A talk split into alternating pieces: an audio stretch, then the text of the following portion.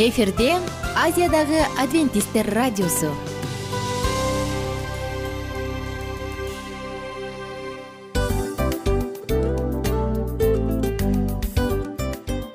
Достор салют. Баардык сүйүктүү угармандарыбызга салам айтабыз. Кутман күнүңүздөр менен. Ден соолук өмүрдүн булагы демекчи саламат саамы программасында баарыңыздарды көргөнүбүзгө абдан кубанычтабыз. Анда алгач амандашып өтөлү арбаңыздар деп. Ден соолугуңуздар кандай элибизде көбүнчө ден соолук кандай дегенде эле жакшы деп жооп беребиз э? ооруп турсак дагы жакшы дейбиз. Анан мен муну айтып ойлойт элем бул абдан сонун сөз депчи анткени бул жакшы деген үмүт да э ооба баары жакшы болот. Баары сонун. Деп үмүттөнүп атып эле өзүбүздү өзүбүз дарылап коебуз. Анысы кандай? Сиздин дагы ден соолугуңуз жакшы беш деген үмүттөбүз чындыгында ден соолук бул өмүрдүн булагы деп бекеринен айтылган эмес деп ойлойм. Кыргыз элинде анткени эгерде ден соолук жок болсо анда адамдын жашоосунда калган баардык керектүү маңыздуу нерселер өзүнүн баалуулугун жоготуп коет. Ошондуктан ден соолук бул эң керектүү нерсе. Ооба туура айтасың кесиптешим. Чынында ден соолугуң жок бир эки үч күн ооруп калсаң эле э кандай болуп калат? Жашоодо көз каранды болуп каласың көп нерсеге жетишпей каласың көп нерсени кыла албай каласың жада калса эшикке дүкөнгө да чыга албай каласың. Туптуура анан ден соолук болсо демек биз биздин бактыбыз тотой деп койсок болот. Анда достор саламат саамы рубрикабызды баштайлы. Алдыда өзүңүзгө керектүү болгон сонун кеңештерди уга аласыздар. Мына ошондуктан биз менен бирге болуңуздар. Ал эми биз болсо милан жана айнура. Кеттик алга. Алга саламат саама ден соолуктун жарчысы. Саламат саама ден соолуктун ачкычы. Күн сайын сиз үчүн мыкты кеңештер сонун жаңылыктар кызыктуу фактылар биздин рубрикада.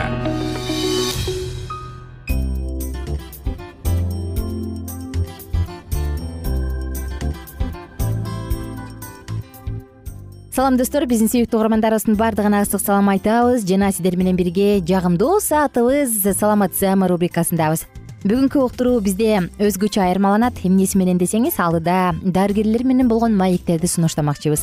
Сөзсүз түрдө достор адамдын ден соолугу биринчи байлык. Муну ар бирибиз билебиз. Адам өзүнүн ден соолугу үчүн баардыгын кылат. Анан тилекке каршы ден соолуктан айрылган учурда колунан эч нерсе келбейт экенин түшүнүп ах айттың ай деп баш бармагын тиштейт э? Муну көбүнчө ата апаларыбыз чоң ата чоң энелерибиз ай балам жаш кезде ден соолукту карма бутуңа жылуураак кий деп мага көп айтышчу эле да ушинтип менин чоң ата чоң энелерим. Башыңда жылуу кийин кышында жылаңбаш жүрбө үшүп каласың.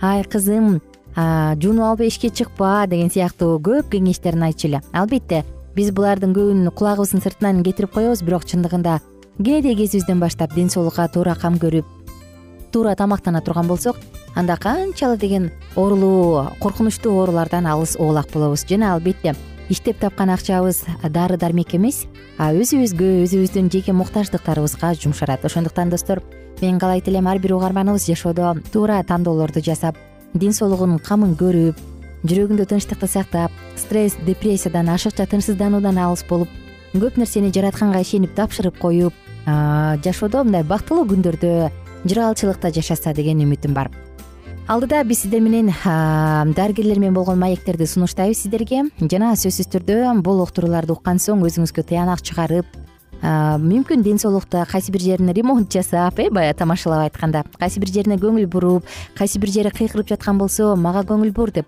ага көңүл буруп коюу абдан зарыл. Ошондуктан каалайт элем достор. Оорубаңыздар өзүңүздөрдүн саламаттыгыңыздарга кам көрүңүздөр деп жана сөзсүз түрдө өзүңүздөрдү сүйүңүздөр деп анда алдыда сиздер үчүн жагымдуу маек жана сонун сонун маалыматтар булардын баардыгы сиздер үчүн. Саламат саама рубрикасы тыңдап жатканыңыз ар бир угармандарына ар бир угарманыбызга мыкты маанай жана сонун көңүл жана түшүнүктүү маалыматтарды сунуштайбыз. Биз менен бирге болуңуздар анда эмесе алдыны көздөй жөнөдүк буга чейин бизге көрөрмандарыбыздан бир нече видео роликтерге суроолор келип кайрылуулар келип түшкөн. Анан биз бул уктуруубузда бул көрүүбүздө дагы бир угарманыбыздын жообуна татыктуу жакшынакай толук кандуу жооп берели деп чечтик анан албетте бул мен өзүм жалгыз бул нерсени кыла албайм. Анткени менин мындай өзүмдүн адисим жок адис эмесмин бул жаатта. Бүгүнкү коногубуз бар. Эне жана баланы коргоо улуттук борборунун педиатр аллергологу туратбекова калия туратбековна. Саламатсызбы? Кандайсыздар? Ишиңиз жакшыбы ден соолугуңуз жакшыбы рахмат. Биз сизди чакырганыбыздын себеби биздин көрөрмандарыбыздан бир нече суроолор келип түшкөн. Анан ушул суроолордун негизинде сизди толук кандуу жооп берет деген үмүт менен чакырдык. Ыраазычылык айткым келип турат. Дары эле саатыбыздын башында. Сизге дагы рахмат. Анда мындай калия туратбековна көрөрманыбыз мындай дейт жөтөл жөнүндө программага комментарий калтырган. Бала жөтөлүп жатса спирт шыбаса болобу дейт бирөөсү. Анан жөтөлгө каршы сары май берсе болобу деп эки көрөрмандыбыздан суроо келип түшкөн. Ушул эле суроолор сизге эскертип кетейин мен мурунку эфирде айтып кеткем. Сары майды шыбаса болбойт койдун майын да шыбаса болбойт депчи. Анткени бул кайта э, күчөтүп салышы мүмкүн жөтөлдүчү эмне себептен ошол жөнүндө айтып берсеңиз? Кээ биркөө балдардыкы э, майга э, мисалы үчүн аллергия деле болушу мүмкүн да. Анан бул жерде бронхтор мынтип жабылып калса спазм болуп кетсе одышкасы күчөп бала өтө кыйналып калышы мүмкүн. Анан кийин жанагы спирт катары дагы да айтып кетсем азырынча көп көп адамдар спиртти колдонушат колду э, шыбашат э, денесине деле өпкөсүнө деле температурага деле неме колдонушат да. Спиртти колдонсо дагы болбойт. Анткени э, спиртти мисалы үчүн азыр көп адамдар жанагы токсон сегиз проценттик спиртти деле шыба беришет кичинекей балдарга спирт колдонуу такыр болбойт өпкөсүнө дагы. Жөтөлүп атса демек шыбаганга болбойт. Жок сөзсүз түрдө шыбаганга эчтеке болбойт. Шыбаса анда биз баарыбыз эле шыбап эле. Айыгып кетмекпиз да анан эч кимде да жөтөл болбойт болчу да. Анда демек биз биринчи көрөрманыбыздын суроосуна конкреттүү жооп алдык. Бала жөтөлүп жатса спирт шыбаганга болбойт кийинкиси жөтөлгө каршы сары май берсе болобу дейт. Жок сары май да берсе ичирген жедирген э ушул түрдө. Ичирген дагы жедирген дагы шыбаган дагы такыр болбойт да. Көркүлөр мынтип беришет болуш керек мындай жылуу болот депчи. Бирок суук тийип калыптыр деген нерсе бар го бизде кеңип ошо биздики ошо суук тийип калды анан көз тийип калды деген оорудон башка оорулар жок да. Ошол үчүн жок шыбаганда да такыр болбойт да. Мүмкүн ушул жөнүндө айтып берерсиз. Эмне себептен болбойт? Негизи эле сары май болбосо деле кандайдыр майды койдун майын болобу иши кылса май берип бул жагы кыркылдап калыптыр кой жибисин какырыктары чыксын деп туруп анан бере беришет го майлардычы ушул жөнүндө. жок мисалы үчүн майларды шыбагандын ордуна андан көрө балага массаж жасаса болот да. Мындай пастуральный дренаж деп коет да ал массаждычы. Ал жанакы жасаш керек? аны бала сөзсүз жатыш керек ичине жатыш керек. Кичинекей бала болсо мисалы үчүн жазыктарды мынтип тизип туруп горка катары жаткызып койсо болот да башы мындай ылдый жакты караш керек. Ылдый жакты карап буту мындай өйдөрөөк болуш керек. Андан кийин белин биринчи биз жумшартабыз. Жумшартып туруп анан кийин арт жагынан ылдый жактан ылдый өпкөнүн ылдый жагынан өйдө жакка мынтип акырын моюнду көздөй моюнду көздөй согуп баштайбыз да. Мындай акырын акырын акырын. Бир жагынан сол жагынан анан оң жагынан дагы сөзсүз мындай массаж кылып неметишибиз керек. Бирок бул массажды өтө көп деле кыйнап баланы э, жазабай эле коюш керек. Э, мисалы үчүн бир эки үч беш мүнөткө чейин болот да. Бала билесиз өзүңүз деле чыдабайт. Ошол үчүн баланы да мынтип кыйнап жатса деле болбойт. Ошол үчүн бир эки үч мүнөт массаж жасап койсо болот да. Бул эмне кылат? Бул биринчиден биякта толуп калган какырыктарды өйдө жакка э, моюн тамак жакка алып келет да андан кийин тамак жакка алып келип бала жөтөлүп жөтөлүп туруп муну же кусуп же какырыгы чыгып түкүрүп салат да. Ошол кезде бул э, көбүрөөк мындай аябай мындай жакшы таасир берет да май бергенге караганда лимфодренаж ооба лимфодренажный массаж кылса болот да. Пастуральный дренаж деп коет да. канча жаштан канча жашка чейинки балдарга жасаса болот буну мисалы үчүн кичинекей балдарга деле жасаса болот. Бирок кичинекей бала болсо мисалы үчүн жаңы төрөлгөн балким анык пневмония же бронхит болсо бир айлык болсо жүрөгүндө жанакы открытый овальный окно деген дагы бар. Ал учурда андай бар болсо то андай балдарга сөзсүз массаж жасаса болбойт анткени көрсөтмөлөр бар экен да э? ооба жүрөккө мындай аябай күч келет да. Ошол үчүн андай балдарга жасаса болбойт если ал порог бар болсо мисалы үчүн. Жакшы. Тилекке каршы биздин убактыбыз соңуна келип калды.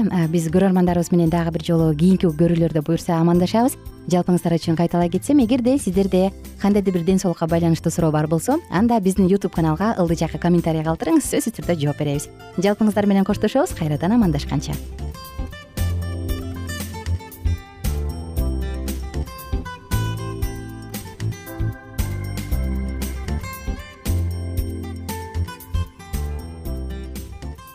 кененирээк маалыматтар үчүн үч w чекит саламат чекит клуб сайтына келип таанышыңыздар.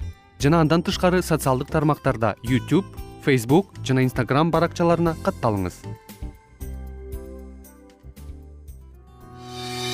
Саламат саама ден соолуктун жарчысы. Саламат саама ден соолуктун ачкычы. Күн сайын сиз үчүн мыкты кеңештер сонун жаңылыктар кызыктуу фактылар. Биздин рубрикада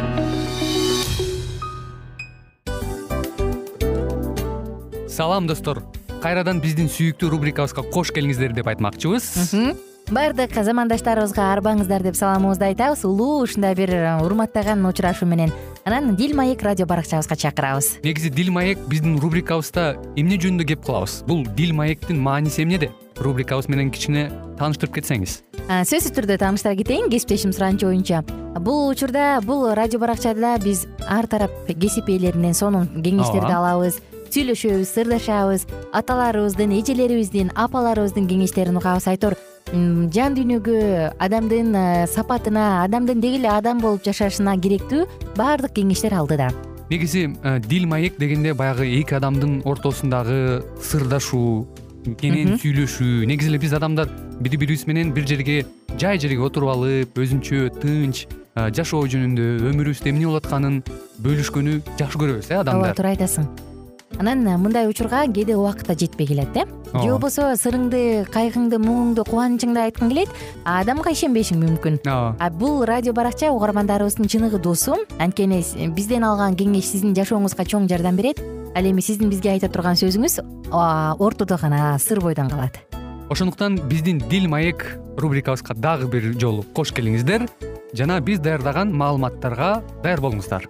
Айнура жана милан сиздер менен бирге алдыга кеттик ар түрдүү ардактуу кесип ээлеринен алтын сөздөр жүрөк ачышкан сыр чачышкан сонун маек дил маек рубрикасында.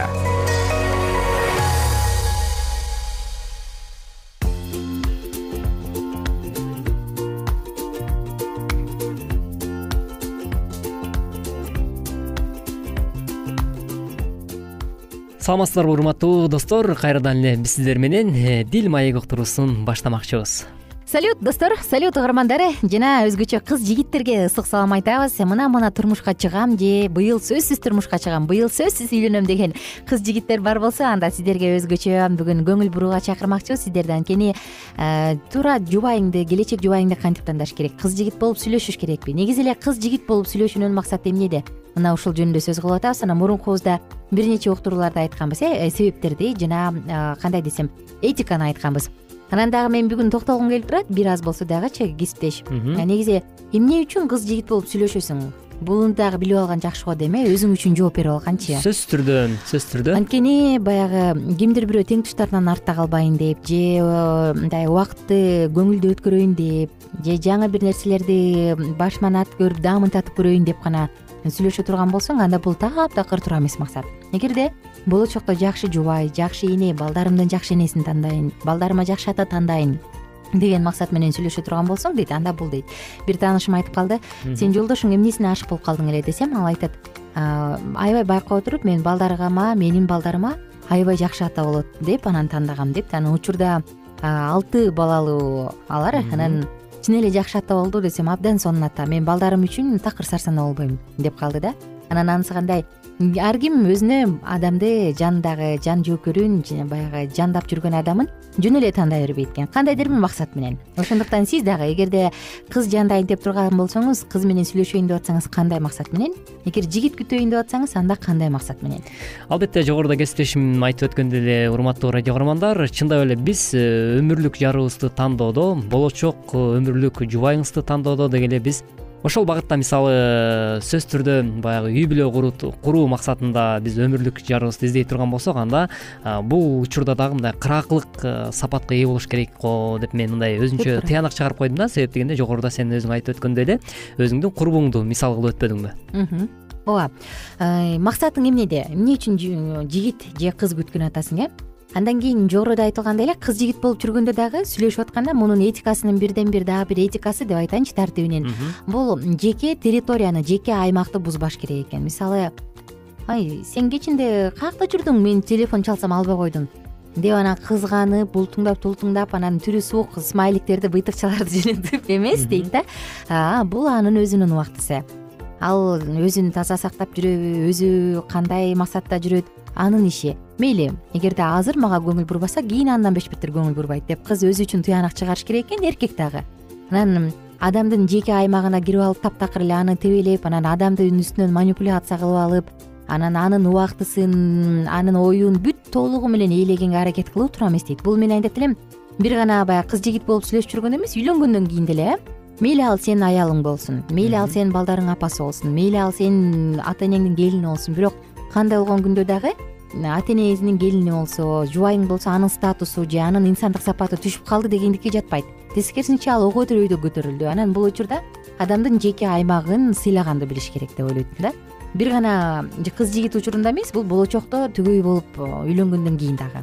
Сөзсүз түрдө чындап эле өзүң айтып өткөндөй ошол бири бирин сыйлоо дагы ошол өзүнүн айлана чөйрөсүн э, бири бирине карата болгон ошол э, мамилеге э, көз каранды болуп такалат эмеспи. Эгерде бири бирибизге карата болгон баягы үй бүлө курула элекке чейин кыз жигит болуп сүйлөшүп жүрүүдө дагы бири бириңе карата болгон мамилең мындай көз караштарың туура мындай критикалар менен болбосо Э, сен жогоруда айткандай эле ушул бири бирин жемелеп анан мен сага телефон чалсам эмне албай койдуң деп эле мындай контролго алып анын жеке жашоосуна чейин кийлигише турган болсо анда ал сөзсүз түрдө үй бүлө кургандан кийин деле ошол адат кайталанат э, кайталанат. Анткени күчөйт алчы. Ооба э, элибизде ошондуктан бекер айтылган эмес да көнгөн адат калабы уйга жүгөн салабы деген сыяктуу. нерсе кала берет да адамдын жашоосунда ошондой эле сүйлөшүп жүргөндө эле эркектин иштемчил экени эмгекчил экени байкаланат байкалат экен да. Эгерде адам эркек альфонс болсо кыздын э, каражаты менен жашап кызга үй мен жумуштан ушинтип койбоду мен жумуштан кетирели деген сыяктуу даттанып айта турган болсо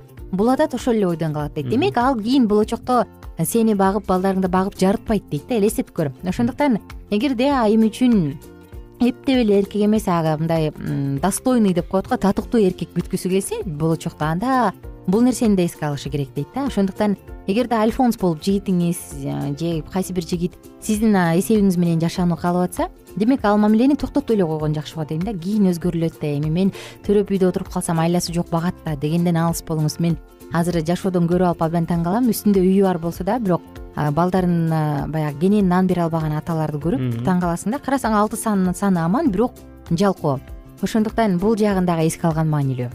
Албетте мына ушундай нерселерди эске алуу менен э, биз бара бара сүйлөй сүйлөй чечен болосуң бара бара көсем болосуң дегендей демек э, жашоо э, өзү баягы тарбиялап өзүнүн нугу менен негизи эле мен мынтип ойлоп калдым да кесиптеш эгерде ушул нерселерди биз э, жеке адам өзүндө мындай каалоо болсо жогоруда сен айткандай элечи мисалы өзүңдүн болочоктогу өмүрлүк жарыңды тандоодо деги эле кыз менен жигит болуп сүйлөшүп аткан учурдан тартып эле уже келечектеги жашоого болгон э, мындай пландарды ошол жеке эки адам мындай биргелешип биз келечекте эмнени көрөбүз э, кандай жаша э, эмнени күтөбүз кантип дагы жашайбыз кийин бала болгондон кийин балдарыбызды кантип тарбиялайбыз деген нерсенин баардыгын мындай э, ошол сүйлөшүп жүргөндөн башталат да негизичи кээ бирөө айтат тилекке каршы жок үйлөнгөндөн кийин анан жашоонун нугу башталат депчи мен айтат элем жок тескерисинче ошол кыз жигит болуп сүйлөшүп баштагандан баштап сенин жашооңдун мындай планы башталат да. Туп туура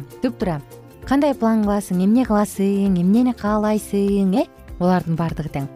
Жакшы достор биздин саатыбыздын соңку мүнөттөрүнө келип калдык. Кийинки уктурууда ушул теманы дагы улантып э, дагы кеңирирээк сүйлөгөшкөнгө аракет кылабыз. Ал эми азыр болсо жалпыңыздар менен коштошобуз эгерде ата энелерге өзгөчкө кайрылгым келет да.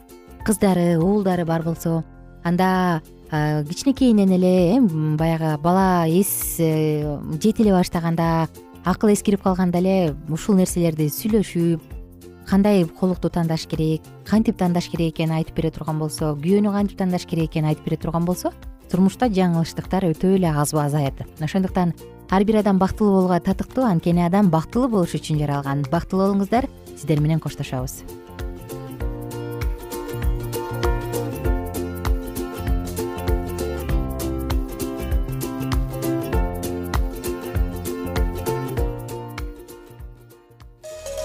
ар түрдүү ардактуу кесип ээлеринен. Алтын сөздөр жүрөк ачышкан сыр чачышкан сонун маек. Бил маек рубрикасында.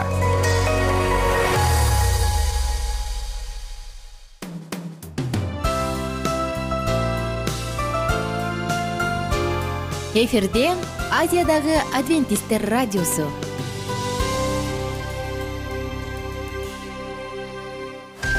жан дүйнөңдү байыткан жүрөгүңдү азыктанткан жашооңо маңыз тартуулаган жан азык рубрикасы.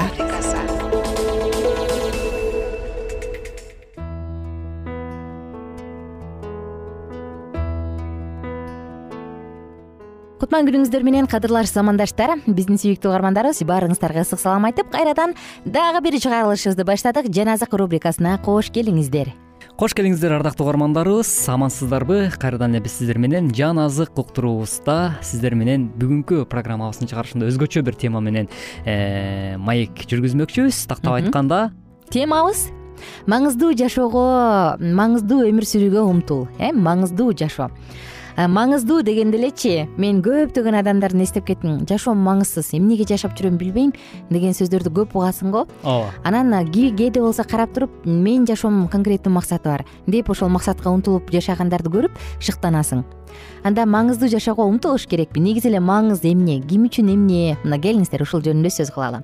Кесиптеш сага эле биринчи суроом. Мен кичине тыңдык кылайын да сага биринчи берейин бул суроону. Сенин жашооңдун маңызы жөнүндө айтып берчи. Ооба чындап эле сен ар дайым тың эмессиң. Негизи суроо бергенге аябай шыктуусуң азамат.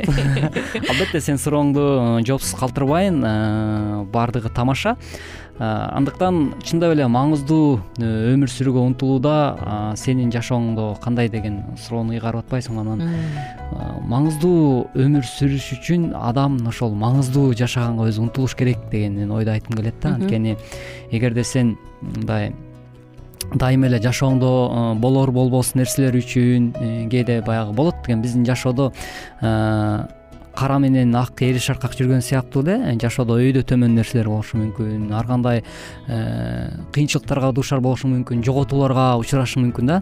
Бирок ошол учурда эле баягы негативдүү ойлорду ойлонуп алып эле анан э, менин тагдырым эмнеге мындай анан мен ушинтип бир байкушмун э, ушинтип жашап калдым эмнеге мен жаралдым экен бул жашоонун маңызы эмнеде деген ар бир инсандын башына ушундай түйшөлткөн суроолор келбей койбойт да. Сөзсүз түрдө. Бул нерсенин баардыгы менин жашоомо дагы келген э, учурунда. Азыр деле болуп жатат десем эч убакта жаңылбайм анткени ар бир нерсени ачык айтып э, ак сүйлөгөн жакшы да. Ооба. Андыктан э, бүгүнкү учурда деле албетте мындай телегейим тегиз болуп зымга тискендей болуп жашап калдым дегенден алысмын албетте. Бирок ошол эле учурда сөзсүз түрдө мындай кыйынчылыктар болот ар кандай нерселерге дуушар болосуң.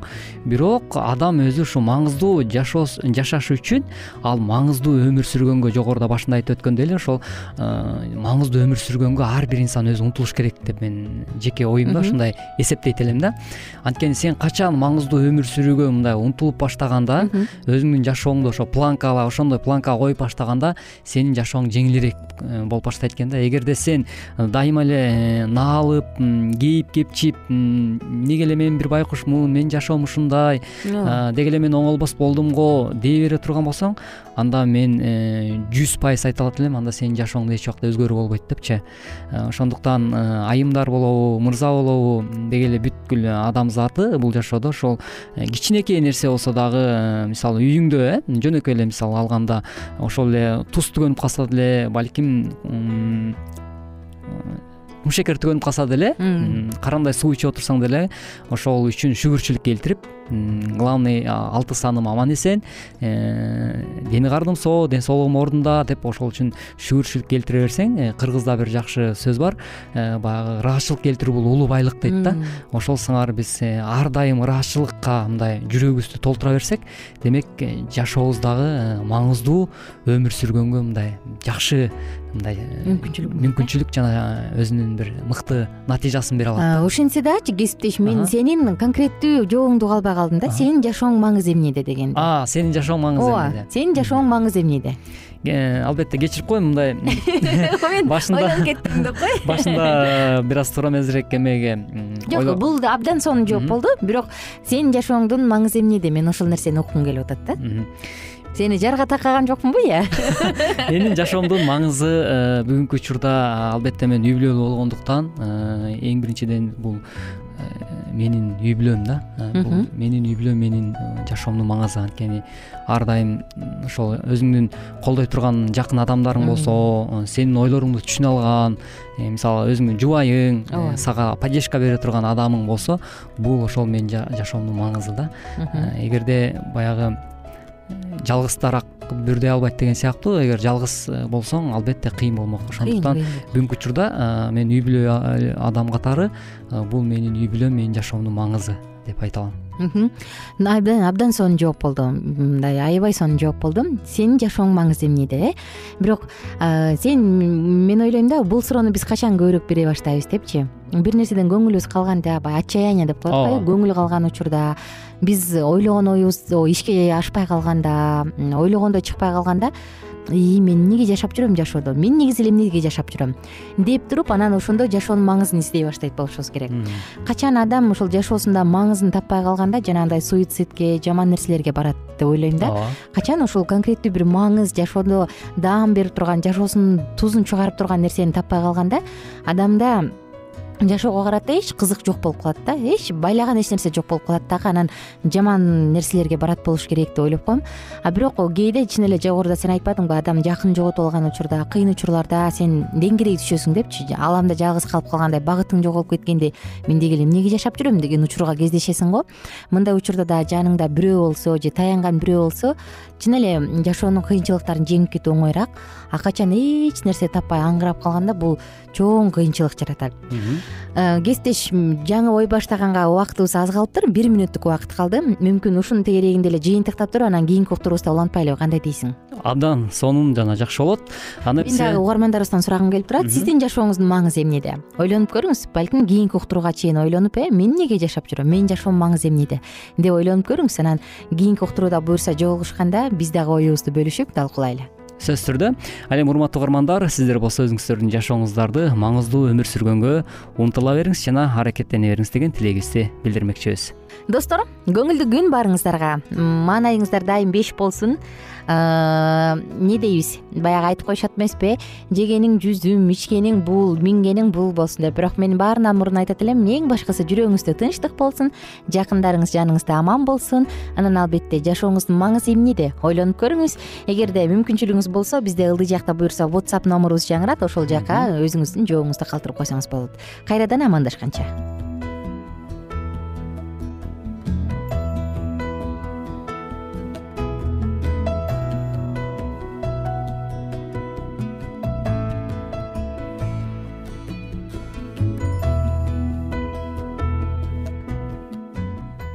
Эгер сиздерде суроолор болсо же көбүрөөк маалымат билем десеңиз анда биздин whatsapp номерибизге жазыңыз. Плюс бир үч жүз бир жети жүз алтымыш алтымыш жетимиш. Кайрадан плюс бир үч жүз бир жети жүз алтымыш алтымыш жетимиш.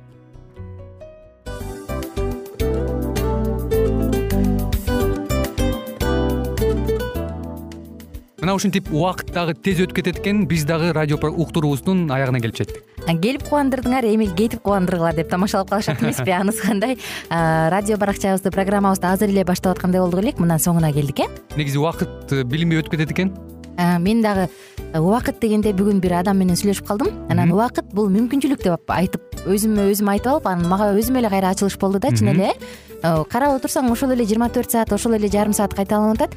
Бирок сендеги мүмкүнчүлүк жок ошол кой берилип кетти? Анысы кандай? Бүгүнкү сонун убактыңызды алтындай болгон жарым саатыңызды бизге бөлүп арнаганыңыз үчүн ыраазычылык айтабыз. Анан жашооңуздун кайсы бир сферасын өзгөртө турган сонун пайдалуу кеңеш алган болсоңуз анда биз максатыбызга жеттик. Анан ушул нерсени кылбасам десеңиз ошол өзгөрүүлөрдү кичинекей кадамдардан баштап иш жүзүнө ашырыңыз дагы жашооңузда чоң чоң ийгиликтерге жетиңиздер чын жүрөктөн ар бир берилген кеңештер сөздөр сиздерге пайдасын алып келет деп ишенебиз. Жана кийинки уктурууларда сөзсүз түрдө чыдамсыздык менен сиздерди күтөбүз.